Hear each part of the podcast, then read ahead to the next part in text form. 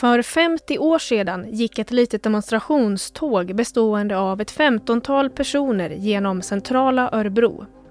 De gick tysta på rad och bar skyltar där det stod saker som “Kunskap raserar fördomar” och “Homosex är mänskligt”. Och det var Sveriges och faktiskt till och med Europas första Pride-parad. Sedan dess har mycket hänt. Svensk lagstiftning har gått från att aktivt utesluta till att mer och mer omfamna hbtqi-personers rättigheter. Och att gå i en prideparad är idag regel snarare än undantag för de flesta svenska politiker. Och nu är Pride-säsongen igång igen. Augusti månad inleds med Stockholm Pride och sedan tuffar det på med Pride-evenemang i ett femtontal andra svenska städer. Inklusive också hela världens World Pride som i år delas av Malmö och Köpenhamn. Men runt om i Europa blåser hårdare vindar. LGBTQ plus campaigners in the country of Georgia called off plans for a pride march on Monday after violent groups opposed to the event stormed and ransacked their office and targeted activists and journalists with violence. The Gay Pride here in Budapest was not just the usual celebration this year, but also a protest, and for the LGBT community, a show of force. The organizers say that tens of thousands turned out despite an atmosphere that they say has become increasingly oppressive. Ja, för en knapp månad sedan skulle en prideparad hållits i Georgiens huvudstad Tbilisi. Men den var tvungen att ställas in efter att hundratals motdemonstranter stormat organisatörernas kontor och misshandlat hbtq-aktivister och också journalister. Och för en och en halv vecka sedan gick ett rekordstort Pride-tåg genom Ungerns huvudstad Budapest i protest mot landets nya och hårt kritiserade anti-hbtq-lag. Och i Polen finns sedan 2019 hbtq-fria zoner. I dagens avsnitt av Aftonbladet Daily så pratar vi om Pride. Jag heter Liv Elgenklöv. Och med oss idag har vi Stockholm Prides ordförande Vix Härjeryd. Och vi börjar med hur hen ser på klimatet för hbtqi-personer i Europa just nu. Om jag ska sammanfatta så skulle jag väl säga att det är eh, oroande. Eh, ILGA Europe eh, skapar ju en regnbågskarta varje år där man tittar på hur ser det ut i de olika länderna, både med lagstiftning, eh, andra typer av rättigheter och socialt klimat. Och de länder som har varit eh, legat i täten har ju stått still i väldigt många år medan det finns andra länder som backar. Eh, till exempel Polen och Ungern är ju, är ju bra exempel på det. Eh, så oroande skulle jag säga sammanfattningsvis. Hur mycket kontakt har du med dina internationella kollegor, alltså andra Pride-arrangörer? Vad, vad, får du för, eh, vad får du för bild av dem? Um, nu när det har varit pandemi så har vi såklart kunnat ha lite mindre kontakt än vanligtvis. Det finns ju internationella nätverk där vi deltar för Pride-arrangörer, både i Europa och globalt och där får vi ju eh, rapporter från olika ställen eh, där eh, Pridefestivaler blir attackerade på olika sätt. Eh, de kanske får sina lokaler förstörda, sina datorer stulna eh, och så vidare. Det kastas glasflaskor i paraden och så vidare. Så att eh, på många håll så händer det väldigt mycket tråkiga saker. Eh, sen finns det ju andra ställen där man kanske har varit beredd på att det ska hända väldigt mycket där det går väldigt bra. Eh, ett sådant exempel där jag ändå tycker att det gick ganska bra är ju Sarajevo Pride där vi Eh, besökte dem och gick i den första eh, paraden 2019. Eh, sen var det väldigt, väldigt mycket eh, militär bevakning och polisbevakning och väldigt mycket avspärrningar. Men själva paraden i sig blev väldigt stor och, och framgångsrik, vilket var jätteroligt. Om man liksom zoomar ut lite på eh, och kollar på en längre period. Hur har, det, har det skett någon förändring i eh, klimatet, hat och hot? Eller går det att se några tendenser åt olika håll? Eh, våran säkerhetschef brukar ju säga att det går eh, lite i olika intervaller. Eh, nu minns jag inte hur långa de är, men, men att det som, eh, saker som händer nu, det har vi liksom varit med om tidigare ett par gånger, bara under den eh, dryga 20-årsperiod som Stockholm Pride har funnits. Eh, det jag tänker påverkar lite grann även Sverige är ju den eh, alltså retoriken ehm, och hur samtal bedrivs, att vi i Polen till exempel har hbtq-fria zoner eh, som verkligen inkräktar på mänskliga rättigheter, då, det är ett nytt etablerat begrepp som på något sätt legitimerar en sån diskussion. Eh, och på samma sätt eh, att man pratar om en homolobby eller en translobby och en transideologi eh, som, som någon grupp av människor som ska ha en viss agenda som då är ett hot mot, mot kärnfamiljen eller mot eh, cis-heteropersoner i allmänhet. Ehm, det eh, tänker jag är en, en förändring som har skett och eh, som också är, är oroande. De flesta hbtq-personer vill ju bara ha samma rättigheter och juridiska trygghet och möjligheter i livet som, som alla andra. Hur ser det ut, hur ser det ut i Sverige då? Um, Alltså vi lever ju i en global värld eh, och det jag kan se lite, framförallt väldigt mycket online nu då senaste åren när eh, vi alla har fått sitta hemma så att säga, är ju just eh, att de som kanske delar eh, de politiska åsikterna eh, eller har liknande åsikter så att säga som, som kanske de ledande politikerna i Polen eller Ungern eh, tar del mycket av vad som händer där och kanske ser det som, som förebilder. Eh, för det är ju väldigt, väldigt tillgängligt att ta del av hur det ser ut på olika ställen. Eh, så det är ju en sak och sen finns ju också eh, just de här dialogerna både i, i feministiska rum och i, i, andra sammanhang att är transpersoner ett hot mot feminismen och så vidare. Ehm, och det, det tycker jag är väldigt, väldigt tråkigt för jag ser det som så, så pass viktigt eh, med samarbete för att föra kampen framåt. Det har behövts historiskt för att åstadkomma förändring och det behövs verkligen fortfarande eh, en enad, enad rörelse. Men hur skulle du säga, hur bedömer du hotbilden här i Sverige då? Får den också, får den också skjuts av det vi ser ute i Europa eller vad är likheterna, vad är skillnaderna? Vart, vart befinner vi oss där?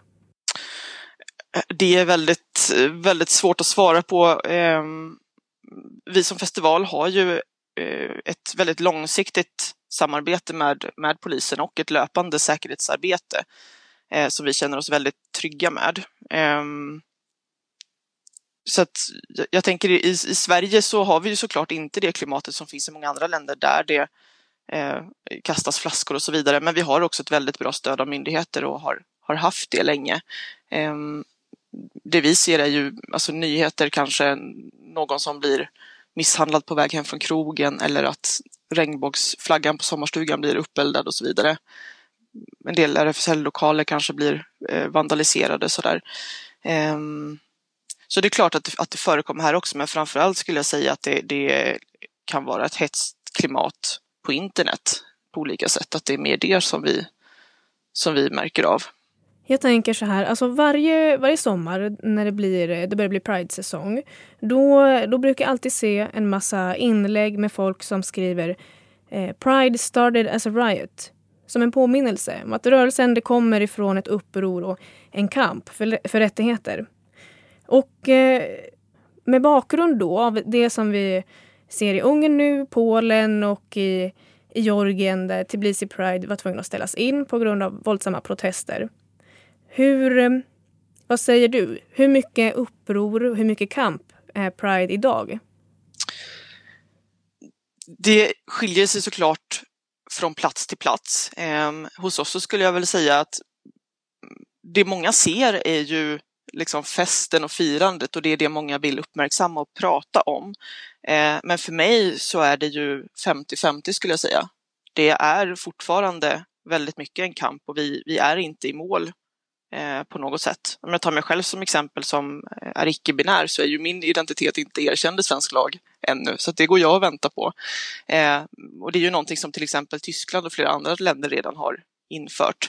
Eh, sen har vi ju saker att fira också. Eh, äntligen har vi ju fått en eh, könsneutral föräldraskapslagstiftning. Det har vi också väntat väldigt länge på, så det, det tänker jag fira under Prideveckan. Eh, men det är, är verkligen både och och det behöver också vara det. Ehm, att besöka en Pridefestival och få vara liksom norm under den tiden eh, och träffa sina vänner, det är klart att det är väldigt mycket glädje i det också. Det är också väldigt, väldigt viktigt och ger energi för många till resten av året att fortsätta kampen alla andra dagar.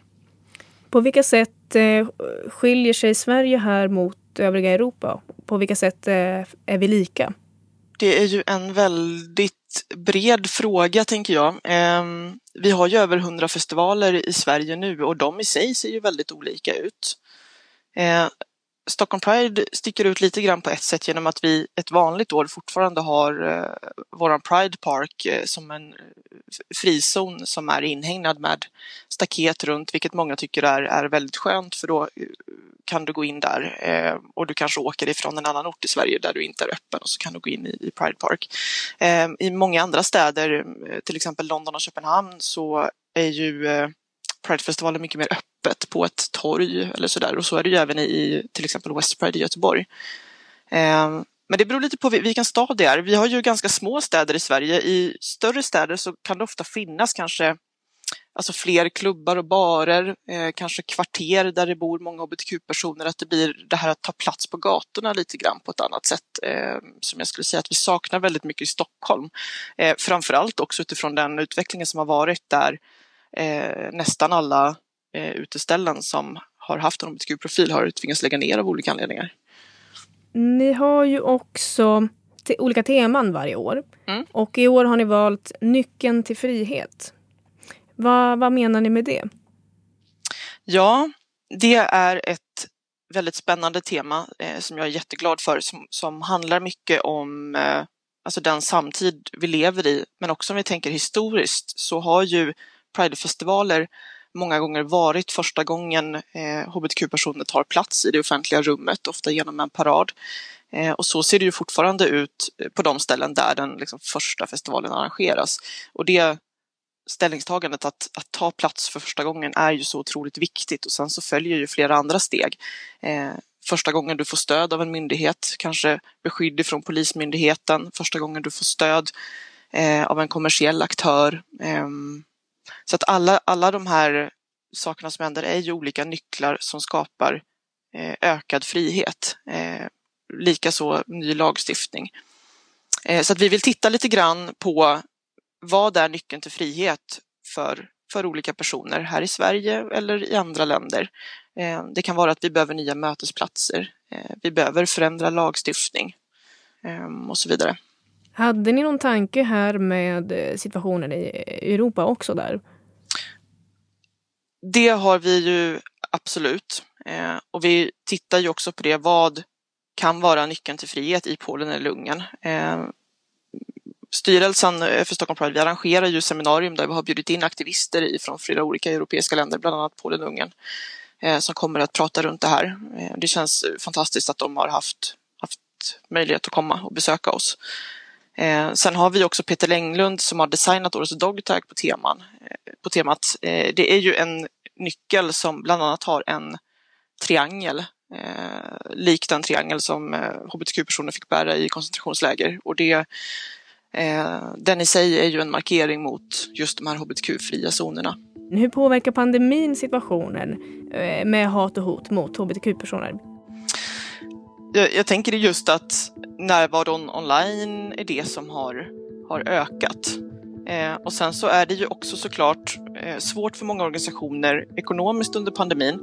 Eh, så att när du väl arrangerar någonting så har du kanske inte samma ekonomiska möjlighet och medel och därmed budget för säkerhet som annars. Eh, och det är ju såklart eh, liksom en, en, en risk helt enkelt. Där hörde vi Vix Härjeryd som är ordförande för Stockholm Pride. Jag heter Liv Elgenklöv och du har lyssnat på Aftonbladet Daily. Vi hörs snart igen. Du har lyssnat på en podcast från Aftonbladet. Ansvarig utgivare är Lena K Samuelsson.